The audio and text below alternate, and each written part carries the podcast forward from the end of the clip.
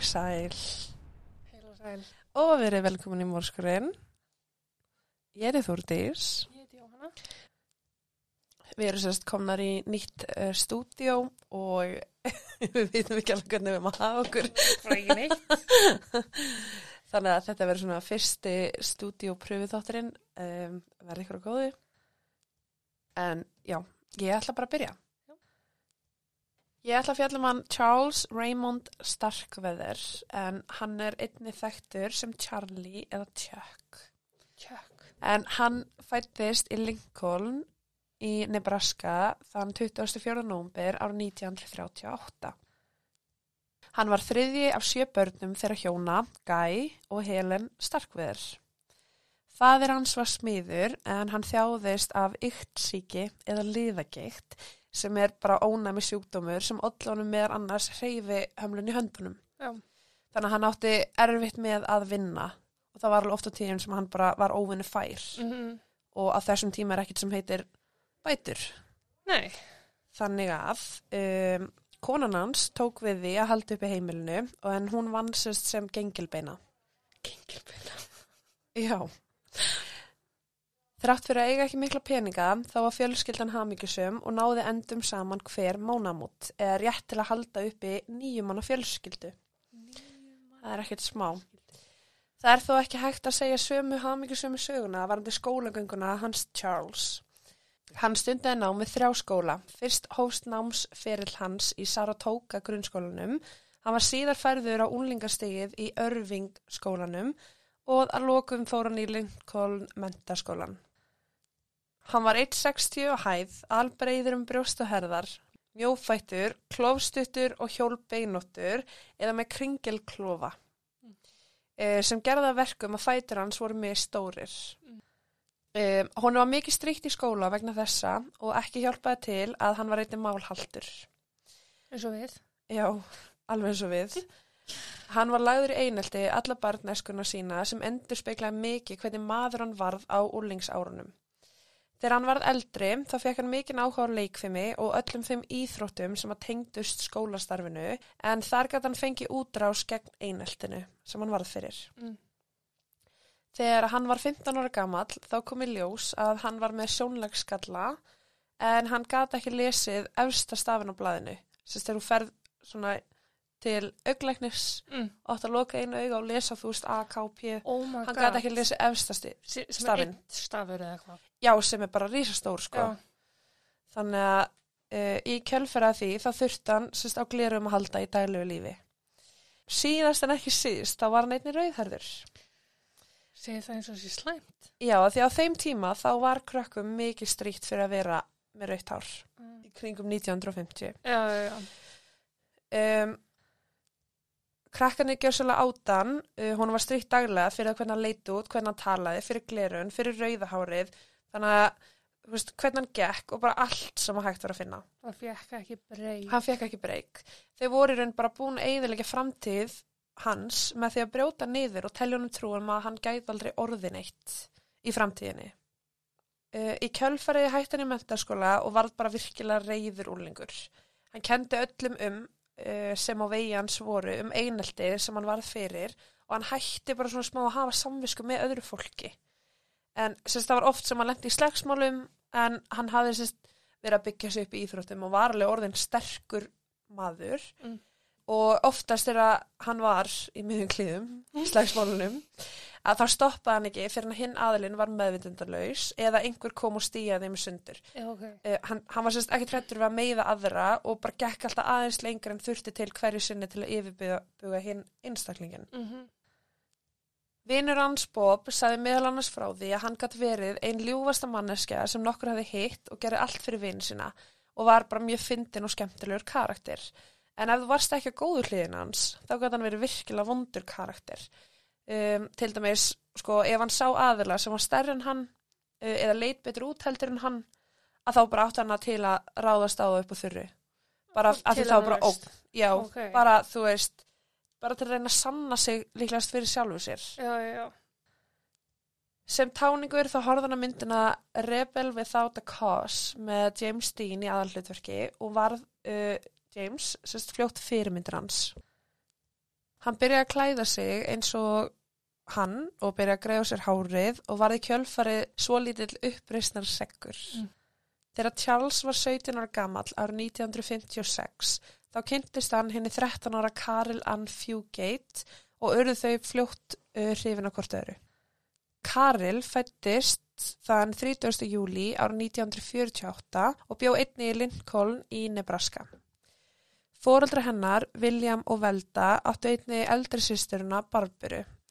En semst á einhverjum tíma í lífi hennar skiljaðu leiðir og móður hennar tekur höndum saman við Marion Bartlett sem er, var semst bara einni smiðu, smiður eins og faður hans Charles.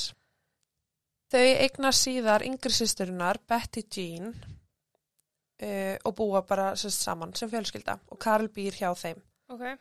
stjúpappa, mömmunni og með sýstursunni, Mhm. litlu. Karel var sæt ung stelpa með dögt brúnt hár og var einnig með svipaskap og Charles. Um, hún var hins vegar ekkert svo gáðasta og gekk mjög illa í skólanum. Barbara, eldri sýsturinnar, var sérst að deyta Bob, vinans Charles. Þau ákveða að bjóða þeim sérst á double date. Þannig að, uh, ok, ég, 18 ára, myndi aldrei taka 13 ára sýstu mína með mér á date Það breyti tímar. það eru greinilega breyti tímar en sem sagt Bob og Barbara ákveður sagt að reyna að koma Charles, Mm. vinni Bob og Karel 13 ára saman. Hann var mjög fljótt heitlaður af henni og sá varlega sólina fyrir henni en hún var á þessum tíma bara það eina sem að koma honum á fætur á mótnana en hann hafði bara einhver leiti gefist upp á lífinu. Þú veist, hann var bara það skemmtur eftir eineltið, hann hugsaði bara ég er aldrei að fara að verða neitt. Já. Svo kemur hún inn í lífans og hann bara sér ekki sólina fyrir henni. Það er allan jákvætt. Ef hann endur ekki að drepa hana. Já. Þetta samband var samt ekkert samþýtt af öllum en Charles var fimm árum eldri en hún og hættur í skóla svo fóreldra hennar voru ekki alveg parsátt við hennar nýja tengdason. Þeim fannst hún einnig vera að færa sig upp á skafti hvað var það hegðun hennar eftir að þau kynntust. Hún var sérst bara að fá meiri svona rebellious hegðun Já, ok. eftir hún kynntist Charles. Ok. Ég meina hann er líka 18 ára og hún er kannski bara svolítið mikið að fylgja honum. Charles var yfir sig ástfangin og fekk sér vinnu við að ferma og afferma trukk hjá Western Union Onion Newspaper Warehouse en eina ástæðan fyrir því var til að halda henni uppi kæristinni og vegna þess að vinnan hans var staðsett mjög nálægt grunnskólanum hennar. Þetta er setning sem á ekki að vera. Nei, þar með gat hann hitt hana daglega. En sérst, yfirmaðurinn hans hugsaði ekkert mikið út í að hvað hann var að gera í pásunum sínum, en það fannst honum hann vera með einstæmum heimskastir starfsmaðurinn sem hefði stegið fæti fyrirtækið og hann bara skipti sér lítið af honum, svo lengi sem hann vann vinnuna sína. Já, já. Eftir skóla hjá Karil þá fór Charles daglega heimsækjana rétt að hann fóreldrana myndi koma sækjana en þau náttúrulega samþykti ekki sambandið þeirra þannig að þau voru ekkert eitthvað mikið að byggja honum í mat. Næ. Charles byrjaði meðal annars að að keira þrátt fyrir að hún væri ekki komin með aldur til og einum degi þá klest hún á meðan hún kerði 1949 Ford bílinn hans Charles.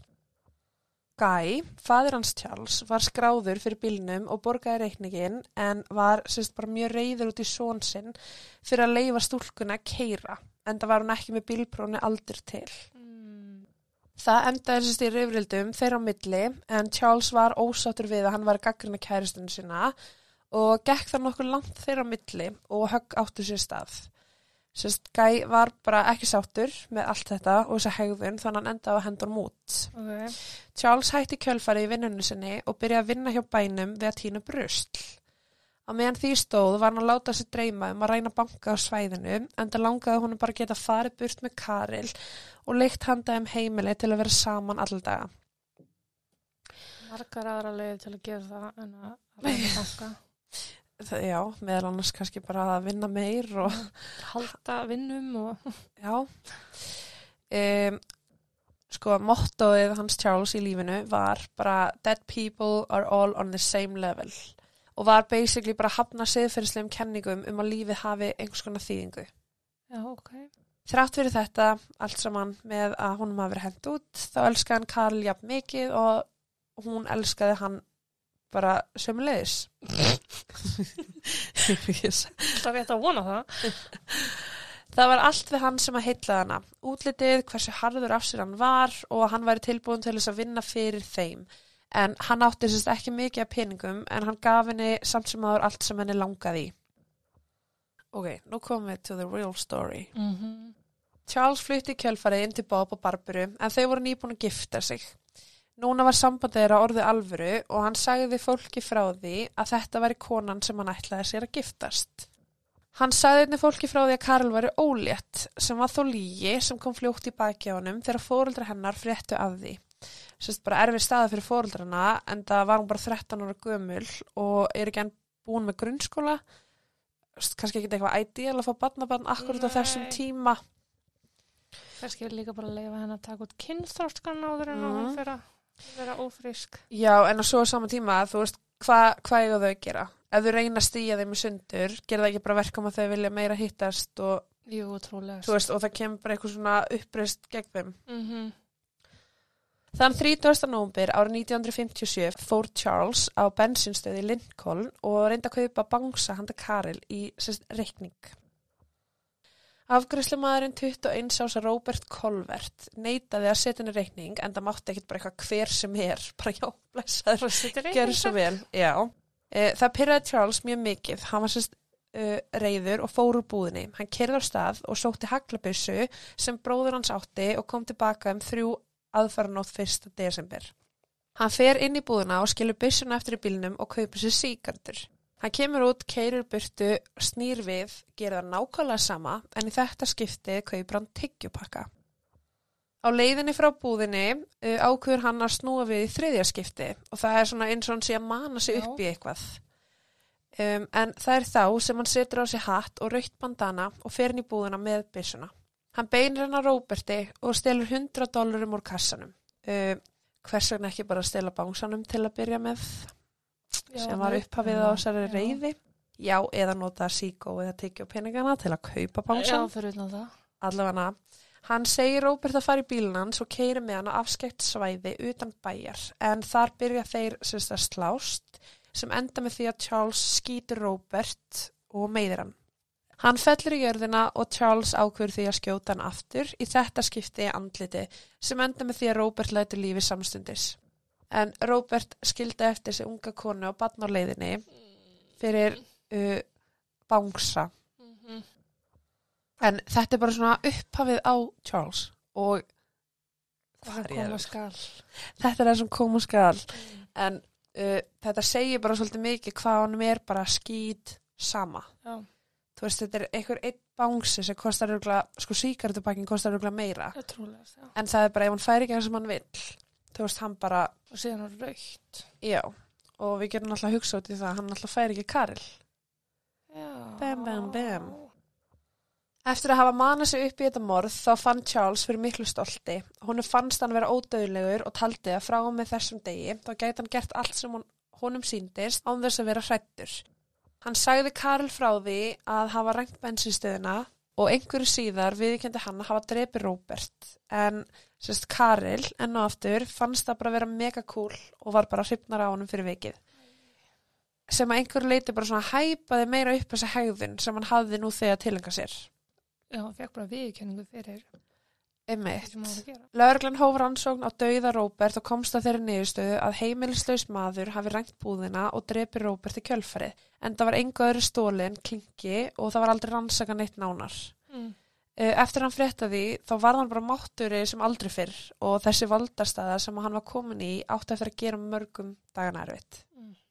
Mm. 25. janúar árið 1958 var gengin í garð og ættingjar og vinir Marjón og Veldu fóreldrum Karil. Þau höfðu sérst ekki séð eða hýrti í þeim í eitthvað tíma. Barbara dóttir þeirra hafði heldur ekki séð fóreldra sinna og ákvað því að fara og aðtuga með þau. En sérst hún og Bob, eiginmaðurinn hennar, þau fara þangað og til dýra kemur 14 ára sýstirinnar Karil. Notabenni þetta er ári Eftir. og hún neitaði að hleypa þeim inn og sagði þeim frá því að móðurinnar og stjúpfæðir væri með flensu og hafði verið skipað að lækni að hitta engan svo flensan myndi ekki byrja að dreifa sér. Barburu fannst þessi útskýring mjög undarleg en það vildi hún hjálpa til ef móðurinnar og stjúpfæðir væri rúmlíkjandi og bjóst eins við því að þau myndu heilsa henni gegn gluggan. Þú veist Mhm. bara eitthvað, hæ elskan, Mhm. þrátt fyrir að þau væru skilur forvik. Já. Eftir að Karel kvatti þá ringdi Barbara laurugluna til þess eins að fara á aðtuga með fóröldra sinna. Lauruglan mætti á svæðið og fekk að heyra sömu sögu Barbara og tók henni bara nokkuð vel og let sig hverfa en það vildu þeir ekki eiga í hættu á því að smitast. Aðrir vinir og ættingjar höfðu einni komið á húsinu í kringum þennan dag og tóku eftir því að búið var að hengja miða hurðina sem ástóð Stay away, everybody is sick with the flu með undirskriftinni Miss Bartlett. Þann 27. januar mætti ammenar í heimsókn og henni var einni vísa frá að barnabarni sínu.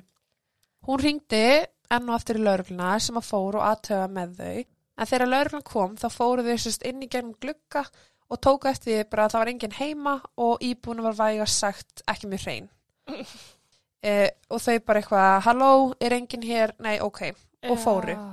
Bob var ekki sáttur við þetta en það var Barbara náttúrulega bara fríkút. Mm. Svo hann ringdi í Rodney, vinsinn, sem var einnig bróður ás Charles Mhm.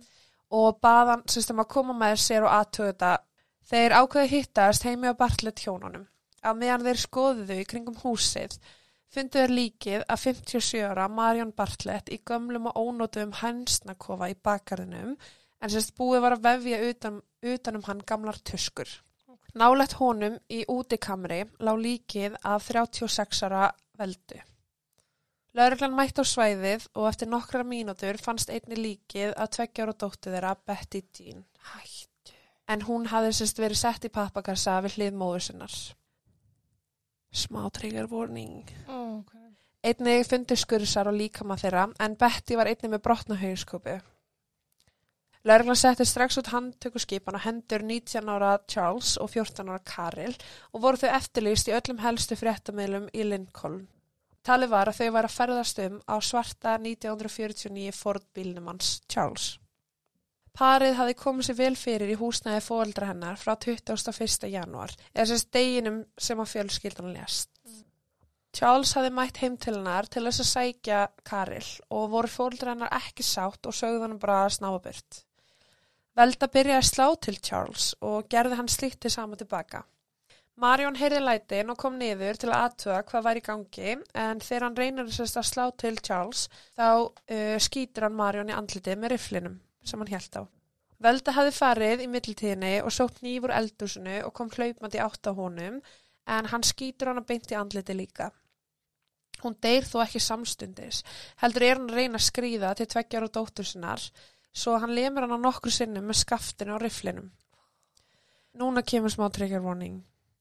Betty Jean grætur stöðugt í þessum látum sem að pyrra Charles mjög mikið. Hann tekur upp nýfin sem Velda hafði haft meðferðis og byrjar að ganga inn í herbyggi. Hann öskrar á hana og segir hann að þegja sem hann alltaf bara gerir ekki bad Mm -hmm. og sérst, endar á því þegar hann er að labba út þá snýra sig við og kastar hnífnum í Betty en hann átti þessast til bara að vera áhugamál hans var bara hnífkast Mm.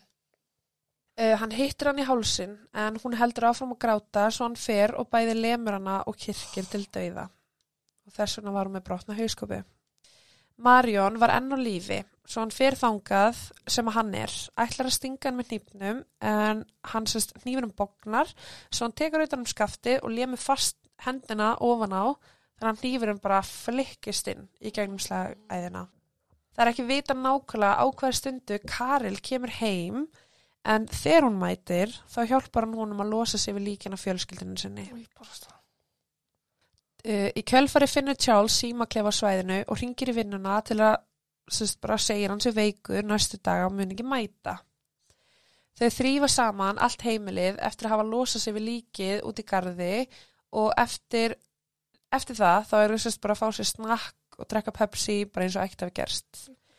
Uh, þau keiftu mjólk og brauð í reikning í sjoppunni í nágrunnu og Charles fór einnig í maturubúð eftir nausin af vörum. En þau sérst bara eittu þessum dögum aðna með fjölskylduna hennar látna í bakgarðinum um, í að spila, horfa sjónvarpið og enn og aftur Charles, veist, var bara einhvern nývakasti um alla íbúðuna. Eðlilega. Já, mjög aðeinlegt. Eftir að ammennar hefði komið í heimsókn og hótaði að ringja lauruglan, þá vissi þau að lauruglan myndi fljótt mæta á svæðið og ákveða í kjölfarið að flýja heimilið. Þann 27. januar fara þau því um borð í bílinn hans en það er eitthvað vesen með dekki á bílnum. Hann hafði sérst reynd að laga það áður en þau lögðu á stað með svona bráðbyrja teipi en það bara hjælt ekki nógu vel. Svo þau ákveða að koma við hjá fjölskylduvinni starkveðir fjölskyldunar uh, 70 ára August Meyer en hann hafði sérst þekkt Charles frá Barsbeini. Þegar þau keirðu upp afleggjarana heimilinu hans þá festuðu sig í drullu fyrir utan og endu á því að ganga upp á húsun hans. Þegar hann kom til dyra þá skaut Charles uh, hann á þess að hika og endur þau á því að draga hann út úr húsinu og hendur honum sérst, í kofa fyrir utan húsi og settur lag yfir líkið.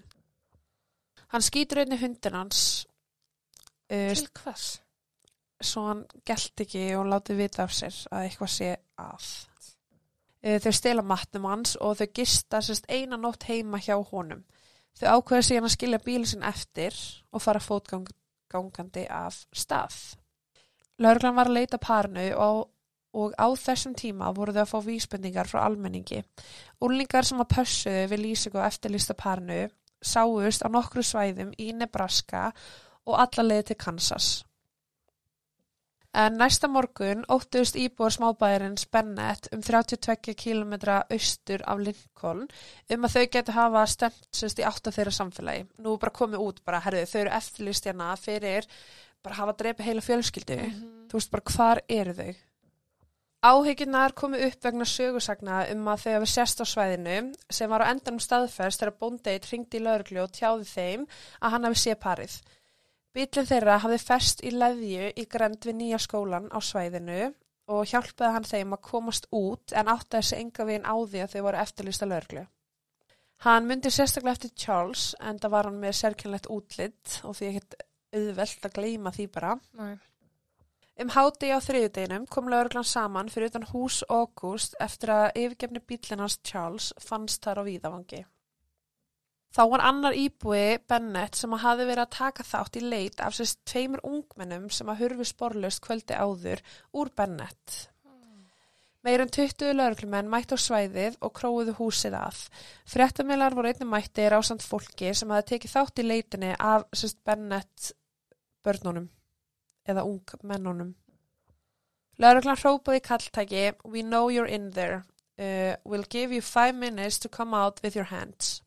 Eftir að hafa ekki fengið neitt svar þá kastaði lauruglan inn, táragasi og eftir smástund ætt hún inn. Búið var að fara ekki um Dóteans August og mikil óreiða var á heimilinu. Fljótlega fannst líkið af honum sem að hafði verið skotin í höfuðið. En það var sérst búið að draga blóðu og líki út í garð og var blóðslóðin ennþá til staðar. Mm. Þeim datt sérst ekki hugað að kannski þurka gólfið en ekki það skipti ykkur máli. Ég hef mögulega gert það. Einn af þeim sem var á staðnum var bróðir hans August sem heitir Lewis. En hann vissi að August hafi stundur leift Charles að veiða á landin hans og hafði verið sérst offsett til að vara hann við því að Charles væri eftirlistur. Eftir að hafa gist í húsinu eina nótt ákveðu Charles og Carly að fara fótgangandi en þau skildu sérst bíli sinn eftir hjá August því þau voru bara herðið, lauruglan er að leita mín bíl, ég get ekki látið sjá mig á honum. 17 ára Robert Jensson og 16 ára Carol King sáu unga parið ganga á veginum og ákveða að stoppa fyrir þeim og bjóða þeim far. Charles neytti þau til þess að keira á yfirgefi svæði þar sem hann skaut Robert og reynda nöðka Carol en það tókst ekki því hún streyttist á móti. Við kærustuna með sér bara. Já, hún var með. En máli var sérst að Karel var mjög afbrýðsum með að hann hafa ætlað að nauðgunni.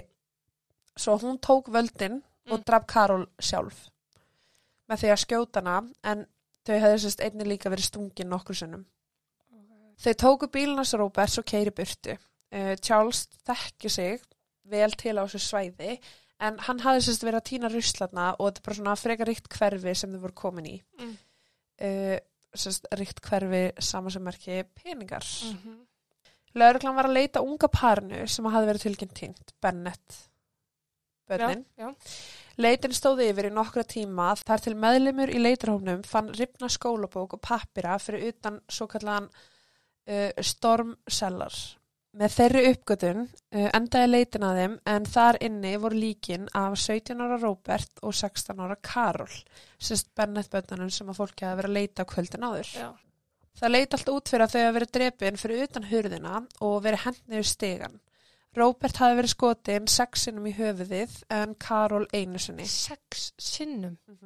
Sko með rifli, nota bene. Eins og sé ekki nóg að skjóta einu sinni.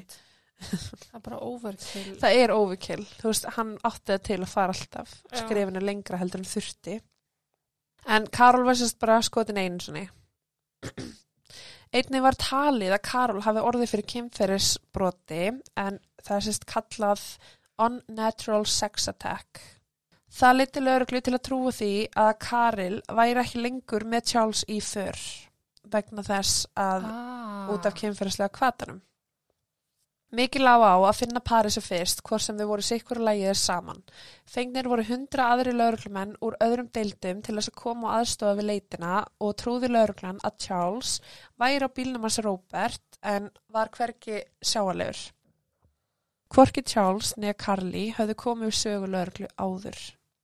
Býtu þannig að þetta er orðið mamma hennar og pappi, litla sýstir, frændin og þessi tvei rúlingar Jep. og maðurinn í búðinni. Og maðurinn í búinni. Sjö manns. Já. Ok.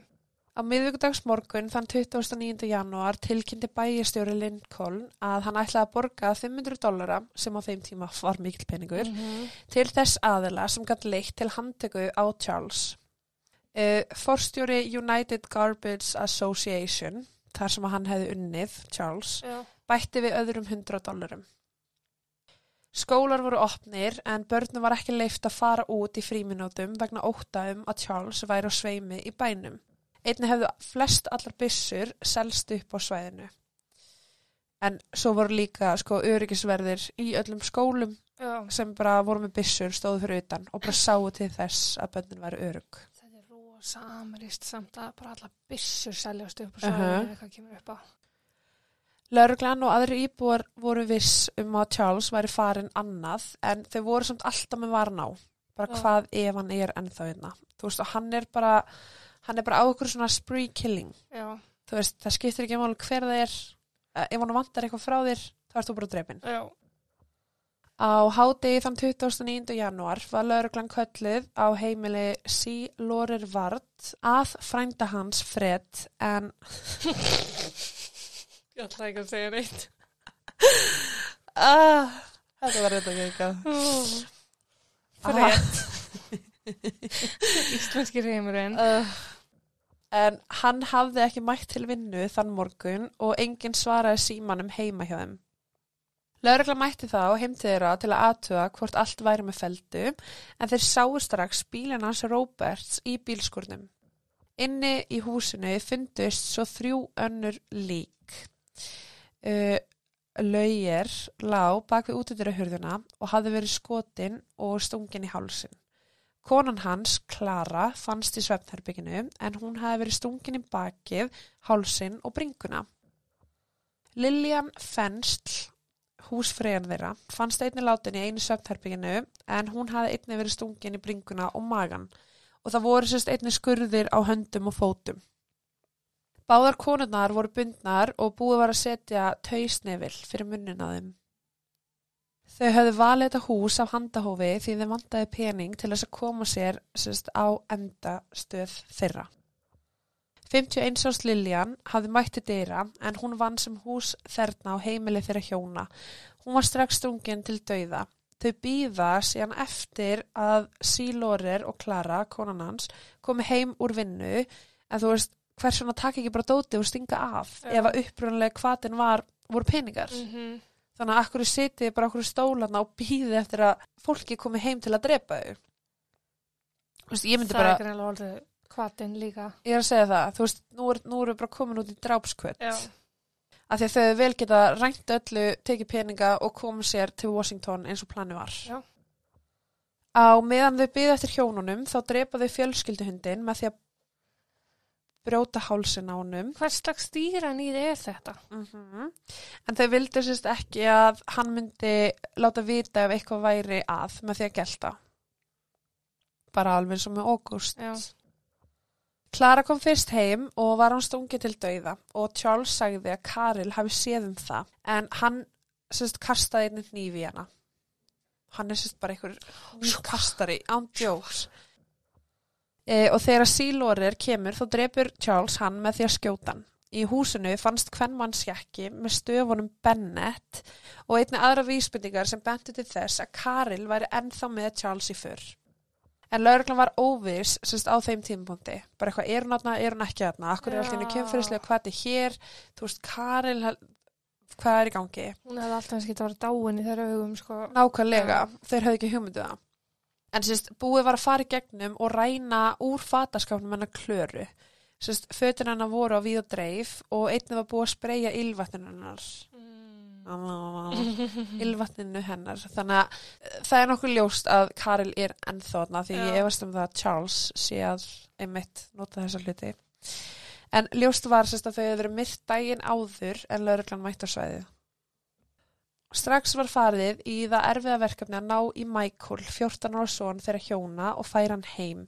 En hann hafði sérst verið í heimastaskóla í Connecticut, eiginlega bara sem betur fyrr. Eftir að lauruglan tilkynir opiðberlega frá manndrápinu á Vards heimilinu, þá byggja þau almenning um að vera á Vardbergi eftir bíl hjónana sem er sérst svartur pakkart með bílnúmerinu 217415. Mm. Flestir fóruldrar sóttu börnu sín í skólan og enn og aftur voru náttúrulega bara var vopnuð örygskesla á staðnum. Íbúar voru beðnir um að halda sig frá því að vera út á götu og að skilja bilskurshurðar eftir opnar svo lauruglan ætti auðvildara með að sjá ef að eftirlisti bílinn myndi skila sér. Já. Plön voru gerð um að loka bænum af og gengi var í hvert einasta hús í Lincoln. Á aðeins nokkru dögum var dánatalan komin upp í nýju manns og hvorki Charles nýja Carly voru sjáanleg. Á þeim tíma sem lauruglan var að rannsaka húsi hjá varthjónunum var parið í um 965 km fjarlæð. Þeir vissu samt ekki að því. Nei. Stutt eftir háti á miðugudeginum voru þau á leiðinu vestur í átt að Douglas í Wyoming en þau ætluðu sérst endalega að koma sér fyrir í Washington þar sem að bróður hans Charles bjó. Washington ríki. Já. Já. Um hálf tvö heyrði parið í útvarpinu að lauruglan væri að lýsa eftir bílvart hjónana og ákveðu þau því að nú væri komin tími til að skipta um bíl. Og drepa hún hana. Geta það verið?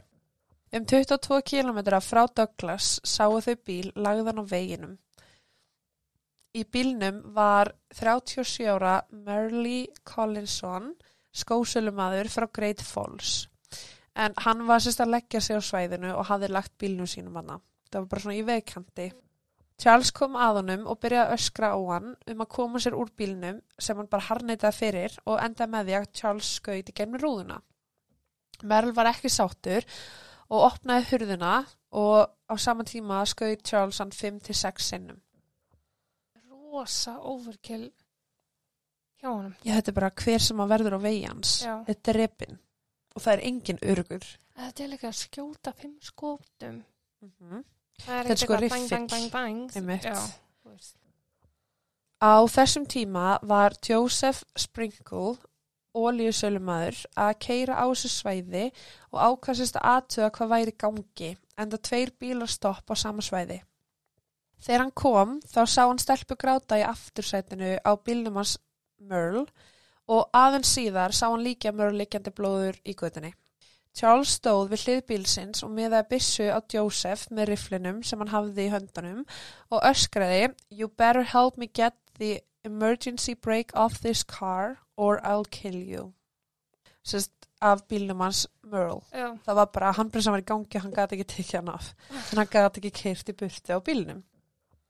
Joseph greipi byssuna og strax hófist átök þeirra á milli. Lauruglumarum Bill Romer var að keira um í sinni daglegu vettvangsferð þegar hann sá þá tvo slást. Þegar hann lagði bílnum hjá þeim þá kom Karil hlaupandi á honum og öskraði He's going to kill me, he's crazy, he just killed a man. Þegar Rómer spurði hver var að frá drepana þá sagði hún starkveðir. Á þessum tíma hafði Joseph náð að koma byssunni úr höndunum og Charles hafði náð að hlaupin í bíl vartjónana og keira burt. Rómer kallaði talstöðuna að loka svæðinu af strax en það væri morðingi laus. Aðri lauruglumenn á svæðinu fengu útkallið þegar þeir heyrðum bæinn og það var þeim tíma sem þeir sáu pakkart bílinn. En Charles var komin um, í alltaf 160 km hraða og var sérst bara að keira hraðbrytina. Einn lauruglumannana skaut nokkru skotum í átt að dekkinu á bílnum og endanum í baklukka bifræðarinnar. Charles stoppaði endanum eftir það skott. Kalla var á hann að stíga út og setja hendunar upp en hann gerði það ekki svo þeir skutu að fótum hans. Charles reyndi að ná í bóli sinn svo þeir skutu hann aftur og þeim tíma lág hann í jörðinni. Lörglumann handjarnaði hann og tók hann í bílinn sinn og sérst á leiðin nýra stöð þá sagði Charles If I had a gun, I would have shot you. Já. Í bílnum var 38 kalibra byssa án skotilkja og hnífur lág í aftursætinu. Charles hafði yngjöngu stoppað vegna þess að glerbrot hafði farið í eirans og var nú að blæða. En hann hjálpsist að hann hefði orðið fyrir skoti og væri bara að deyja. Þannig að hann var bara, shit, ég má ekki deyja núna. Veist, en hann var bara bókslega, hann var með skrámur. Sko. en aftur nöyt heimskur. Það var komin 29. januar, uh, aðeins tveimu dögum áður hafði Bartlett fjölskyldan fundið sláttinn á heimilinu. Þetta er, já, sérst, þetta byrjar 21. januar Já, og nú er komin 29. januar. Þau voru drepin 21. januar. já, já, já, ok, já. Hanna, já. Charles var tekin í Douglas fangelsið yfir nóttu og Karel beigði hvern fangelsinu þar til yfirvöld í Wyoming og Nebraska ákveðu hvað þau ætlaði að gera. Þess að Wyoming vildi sækja þau til saga fyrir morðið á Merle sem gerðist innan þeirra lögsöðu en Nebraska vildi sækja þau til saga fyrir hinbrotin. Charles var í raun gefið það val hvort hann vildi láta rétta yfir sér í Nebraska eða Wyoming. En sérst, dauðarefsingin í Nebraska er ramagstóll og í Wyoming er það gasklifi. Hann- Hansklefi. Já. Hann valdi sérst ramagstólinn í Nebraska. En það sem hann vissi ekki er sérst að nýskipar bæjarstjóri var alfarið á móti dauðarefsingum og hafði sérst bara lagt þar niður í Wyoming. Ok, Þannig að ef hann hefði verið dæmdur í Wyoming þá hefði hann ekki sérst, verið dæmdur til dauða, heldur bara lífsfangelsi. Mhm. En auðvitað voru ekkit eitthvað að segja honum það. Nei, Þannig að hann valdi sérst ramagstólinn. Á fimmtudagskvöldinu voru þau flutt í sikkur bílnum til aftur til Lincoln. Það var ákveðið að keira með þau því að Charles hataði að fljúa. Eins og hann fá bara eitthvað um það vali. Í þeirri ferð játaði Charles að hafa drepið þetta fólk vegna þess að A hatred that built up in me made me do it. já, hann hatur gegn hverju. Lífinu. Allra. Eftir eineltið að þá bara enn og aftur, hann hataði allt og hann hataði alla. Já, Og bara siðfyrirskendin hans var farin samúðun, hvort öðru fólki var Mhm. farin. Það var bara, hún var skýt sama. ekki það, þú veist, einaldi er mannskemmandi frá A til Ö, sko. Og þetta er bara mjög gott aðeins það. Já, klálega. En hann semst játaði einni á sama tíma morðið á manninum sem hann vann á bensinstöðinni. En það var eitthvað sem hann þurfti ekki að játa, það var búið að úrskurða að einhver heimilislaus maður hafi drepið hann. Þannig að þú veist það er svona, ok, hann var að játa til að vera bara herri, ég draf hérna einn Mhm. viðbútt, sko. Þú veist, hún er fast þetta bara geggjað, Já. já. Á þeim tíma var Karil einni að koma í Lincoln og átti yfir höfði sér mandrapskæru en hún sagði frá því að sérst, henni hafi verið haldið gegn hennar vilja og að hún hafi að hún hafði ekkert með morðin að gera og hún sérst bara trúði því að Charles hefði ætlað að drepa hana þegar þau kæmi til Washington. Charles sagði einnig yfirvöldum að hann hafi sérst haldið nauðugri en á meðan hann satt í Wyoming fangilsinu þá skrifa hann bref til föður síns sem stóð sérst bara uh, en pappi, mér þykir þetta ótrúlega leðilegt með hvað ég gerði í fyrsta skipti sem ég og Karil vorum bara að hafa geggjað gaman. Já. Já, og hann sagði, þú veist, hún hjálpaði mér mikið, ef hún kemur aftur út í samflagið, ekki hata hana, þú veist, hún hafði ekkert með þetta að gera, uh, eina sem við vildum var bara komast úr bænum. Fóruð ekki rétt að því. Þau fóru ekki rétt að því. Þegar þau koma aftur til Lincoln seint á förstu deginum var Charles sendur í Hámarks öryggisfangelsi en Karil vegna aldurs hennar var sérst send á geðspítala. En sérst lögin í Nebraska banna aðilum undir 16 ára að fara í fangelsi án forðamanns Hei, mamma, ertu til að koma með einmitt. Þannig að meðan þau kerðu að geðspítalunum þá sérst uh, voru blaðamenn komni fyrir utan og hún sérst bara brosti og vinkaði áttina að blaðamennum og reyndi einn að skrúa niður gluggan á ykkur tímapunkti til að þú veist vinka og segja hæ en hann var bannaða. Þannig að hún var bara ánum með sjálf og sér líka. Já, hún munur samt að hann hjælt henni nöyðuri og hótaði að drepa hana. Sagan hana Karil sem að lauruglan efaði stórlega uh, með að hafi verið, henni hafi verið haldið gegn hennar vilja var loksist talin vera ósönn þegar Charles dró fyrri vittnesbyrju sinn tilbaka og sagði frá því að henni hafi ekkert verið haldið gegn viljanar. Heldur hafa hún verið með honum í þessu öllu saman. Sest, hann hafi líka sagt þetta í byrjun og hugsaði bara ok, hún má ekki fara í fangelsi, ég elska hana, dari, dari, dari. Ætlaði bara að gera henni einhverja greiða. Já. Karl hafði upprunalega sagt frá því að hópur stráka hefði verið heima hjá Bartlett hjónunum sérst að plotta bankarán. Hún sagði að þeir hafi bara chickened out og sérst ákveðið að fara. Uh, Lörglan fann út að gengi sem að Karl var að tala um uh, kallaði sérst Hot Rod Club sem að Charles hafi verið í í stuttan tíma en læriði einni að það gengi hafi ákveðið að hætta árið 1955 bara vegna þess að meðlumir gátt ekki ákveðið sig hvað er þetta að gera. Þeir voru bara allir ógislega óákveðinir og voru bara er okkur beilum bara. Við vitum ekki hvað við gera. Þannig að það getur ekki verið að þeir hafi verið að, að plotta eitthvað bankar án heima hjá henni og í kjölfari hafi þetta allt gerst. Hún sagði einni frá því að aðrir aðilar hafi verið viðriðnir morðið á sérst kolvert og gaf lauruglinni nafni á drengnum sem hún hafði sem hún sagði að hafi skoti úr byssunni. Lauruglan var mjög skeptísk með það og í ljós kom að drengurinn sem hún benda á hafði ekki eins og verið í Lincoln á þeim tíma. Þrátt fyrir að standa frammi fyrir þessu misrami í sögunum sinni þá held hún áfram, bara fram sakleysi sínu og sagðist vilja fara í legapróf en bara fekk það ekki gegn. Mm. Hún sagði einnig föður sínum þegar hann kom í heimsón á spítalan, sérst að því að það var stjúpfærina sem að dó, Já, já, já. Að hún vissi ekki að Bartlett hjónin, eða sérst fóruldra sinnir, uh, höfðu verið drepin fyrir en að þau sérst voru handsömuð í Wyoming.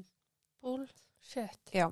Hún sagði að þau hafi líklegast verið myrt á meðan hún var í skólanum og að Charles sagði henni að hann væri sérst bara með þau nauðu í öðru húsi. Ef hún gerði ekki það sem að hann sagði henni, þá myndi hann drepa þau. Hún sagði einnig að hann hafi haldið byssu upp að henni í hvers skipti sem einhver kom að heimsækja þau og því gat hann ekki annað en logið öllum með að allir varu veikir inn á heimilinu. Þegar hún sagði frá þessu þá brast hún í grát, bara sérstaklega þegar hún talaði um móður sinna og systur og því var þetta svona þú veist, farin að varli, oh my god, bara þú lendir í ömulegri lífsreynslu. Já. Charles og Karel komið fram fyrir dómstól í Lancester síslu þann 3. februar. Charles var klættur fangelsisfundum og neitaði sög vegna ákjærum morða fyrstu gráðu í skotárusinni á Robert Jensen. Hann var ákjærður fyrir morða fyrstu gráðu og morð af ásettu ráði á meðan að ráni stóð.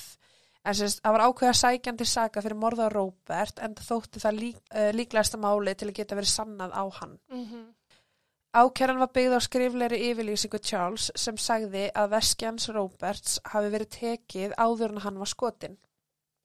Hann er sérst að viðkjanna Já. þar með að hann hafi tekið veskið og svo skotið hann sem að því er að þetta er sérst rán og morð. Já. Karel sem mætti nokkru dögum síðar var í dökkblári skirtu, hvítri peysu og beige jakka. Með henni fyrr var faðir og stjúpmóðir á samt eldri systur, Barburu. Hún var ákær fyrir það nákvæmlega sama, en Karel neitaði allri sög. Það kom síðar í ljós að jakkin sem hún klættist var í eigu vart hjónana, sérst einn af fórdanlömbunum þeirra, Oh. sérst Lóra Vart.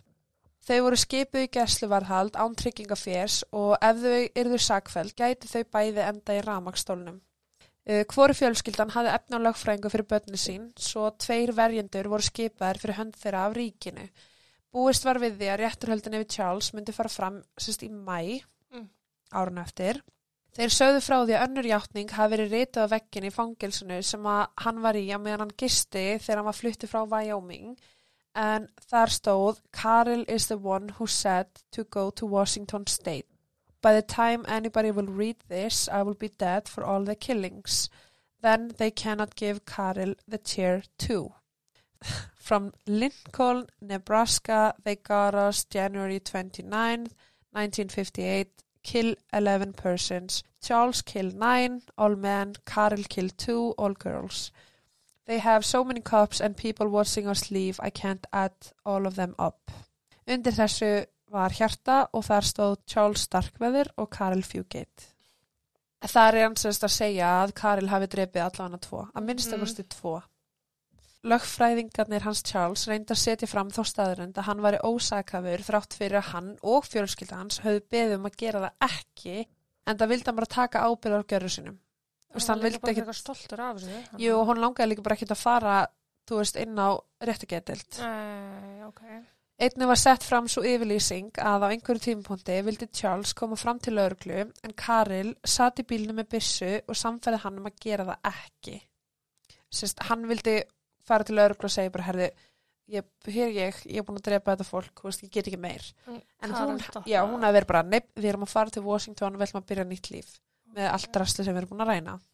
Lögfræðingarnir hennar Karil vísuðu þeim kröfum og bug þar sem að hann var að reyna að koma morðunum alfarið yfir á Karil sem náttúrulega hann var ekkert að gera, við.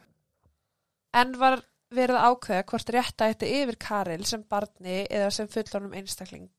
Charles sagði frá því að Karil hafi drepið tveggjar á sýstu sína og móður sína. Eh, Hann sagði frá því að hún skaut einni og skar Karol King á háls vegna þess að hún held að hann hafi nauðgað henni og var afbrýðsum.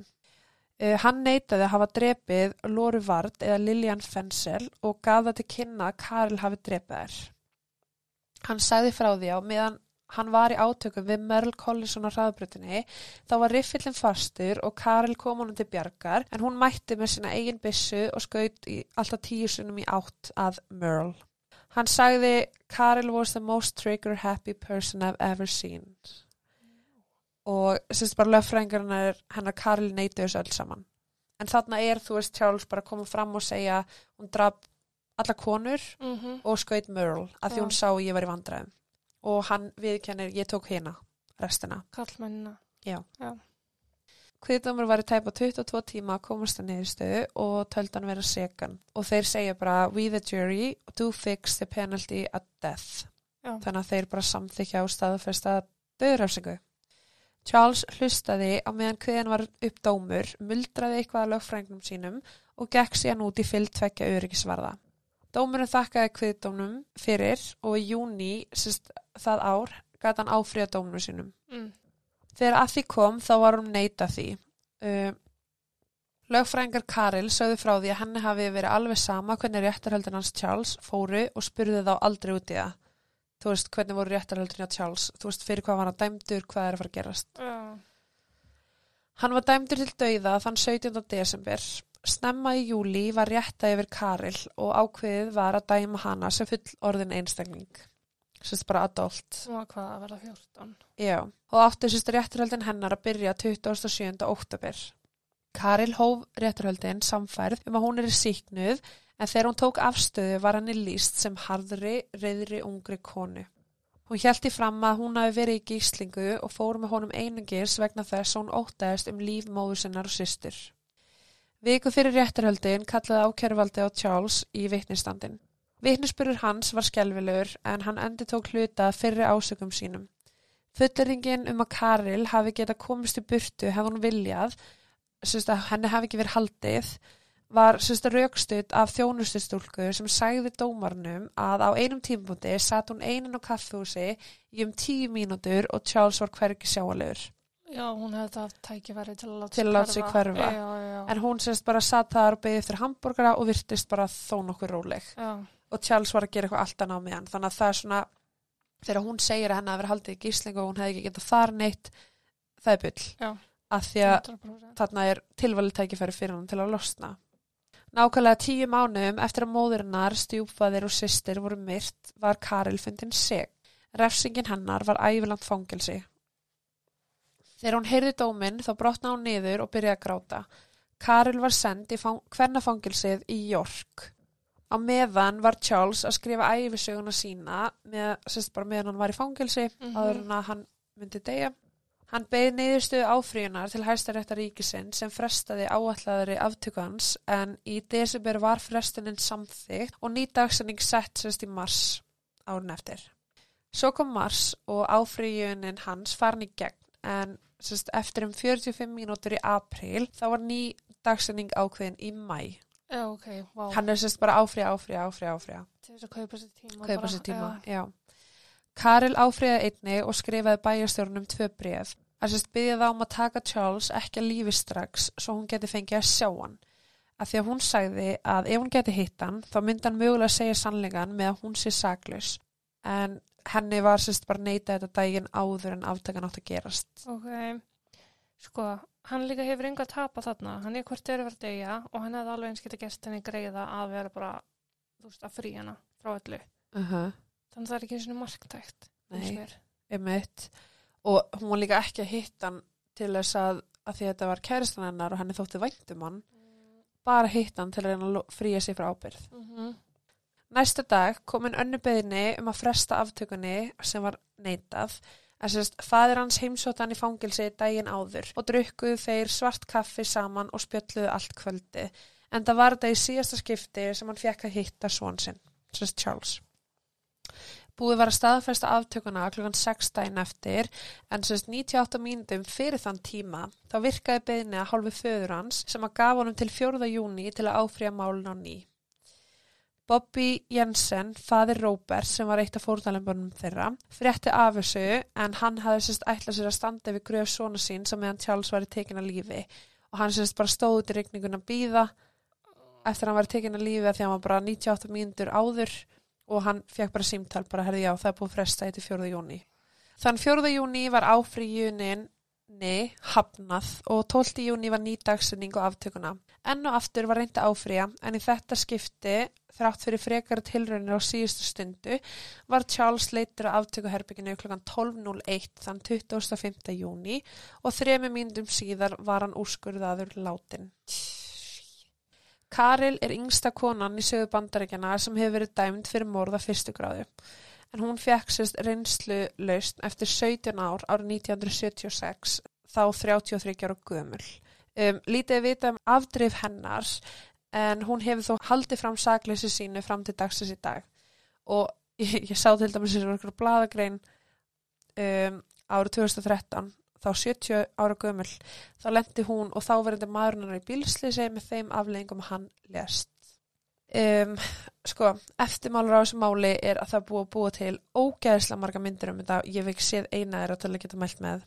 Ok. en þú veist, meðal annars er það bara The Sadist, Badlands uh, Natural Born Killers Starkveðir, Murder in the Heartland uh, Stark Raving Mad.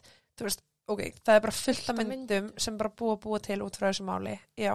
Um, svo er einnig svo að sem sagt, barnabarn vart hjónana Mm. uh, hanna Lora og Sí Lorir uh, hún hefur sérst skrifað já, þau muni eftir Michael sem var 14 ára og var í heimaðarskóla dóttir hans Já. hún hefur skrifað bók um morðin og í þessari bóksinni er hún að segja að Karil hafi verið saklaus allan tíman þannig að hún er sérst að bakka upp Hún var ekki fætt. Nei, en hún er bara, hún segist vera búin að rannsaka þetta allt uh, bara til að sanna fyrir sjálfu sér hvað er gestur raun og veru og hún vilja bara hafa allar staðarindur á borðinu hún segist vera búin að fá öll skjöl þú veist allt bara sem tengist málinu og hún er sko í dag ekki bara það að hún skrifaði bókum það heldur hún er að vinna fyrir sakleysi Karil Já. Já, og hún er sérst, hún og annar lögfrængur sem að ég held að sé bara svona webslúð bókstala, bara sá málið, kynnti sér það og bara hefur byllandi áhuga. Já.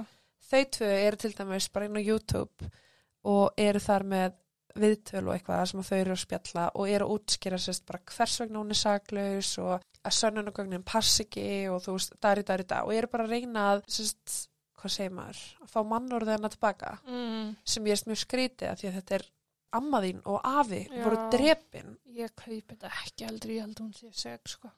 Já, mér finnst bara svo ógislega fyndi að hún sé að eigða sínum tíma í lífinu í þetta. Mm -hmm. Þú veist, það er eitt að skrifa bók, hún grættir alveg mikið pening á því, gott að. Já, en þú veist, en að halda fram sakli sem morðingja ömmuðinur og afa er svolítið tvistöð, sko. En hún segir sérst bara, segir meðal annars að Karil hafi bara ekki fengið réttluta málsmeðferð, hún hafi ekki fengið tækifæri til að tjá sig, það voru engin sönnugögn sem að bentu til þess að hún hafi pulled the trigger, þú veist, oh, á öllum þessum tímapunktum hefði hún getað farið til örglu og stoppa þetta af. Já. þegar hún var að býja eftir hambúrgunum sínum til dæmis Já. Uh, en mér líður bara smá eins og sko þegar ég, ég hlusta á þetta viðtal milli barnabarsins og lögfrængsins og mér líður smá eins og sé búið heila þóna to be honest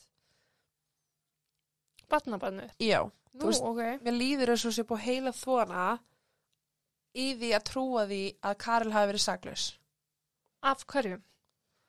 Meðal annars þessum webslúð lögfræng sem að er búin að kynna sér málið að því að hann hafði sér samband við hana Að fyrra bara, að fyrir bara, já.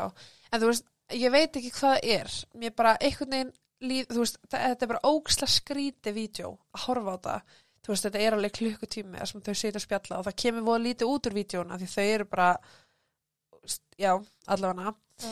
en mér finnst bara einhvern veginn eins og hún setja hana, mér líður þess að einhver sem er byssu að henni og sé bara segðu að Karl sér saglaus ég veit að ég er ekki hann Nei, já, En þú veist, samt. þetta er bara ógsla skrítið að hún sé bara standa fyrir þetta, þessu Þetta er rosa auðvöldleið til þess að fá aðtikli og peninga og... klálega þannig að já um, sko til að vitna enn betur í þetta að þá sem sagt uh, Bruce Springsteen Mm. lægi hans Nebraska Já. fjallar um uh, starkveðurmorðin. Jálfurinni. já, það er mjög fyndi uh, svo er líka þú veist uh, eitthvað San Francisco pop-punk band uh, J-Church sem að byggja til lag sem heitir Hate So Real sem er bara um þetta mál.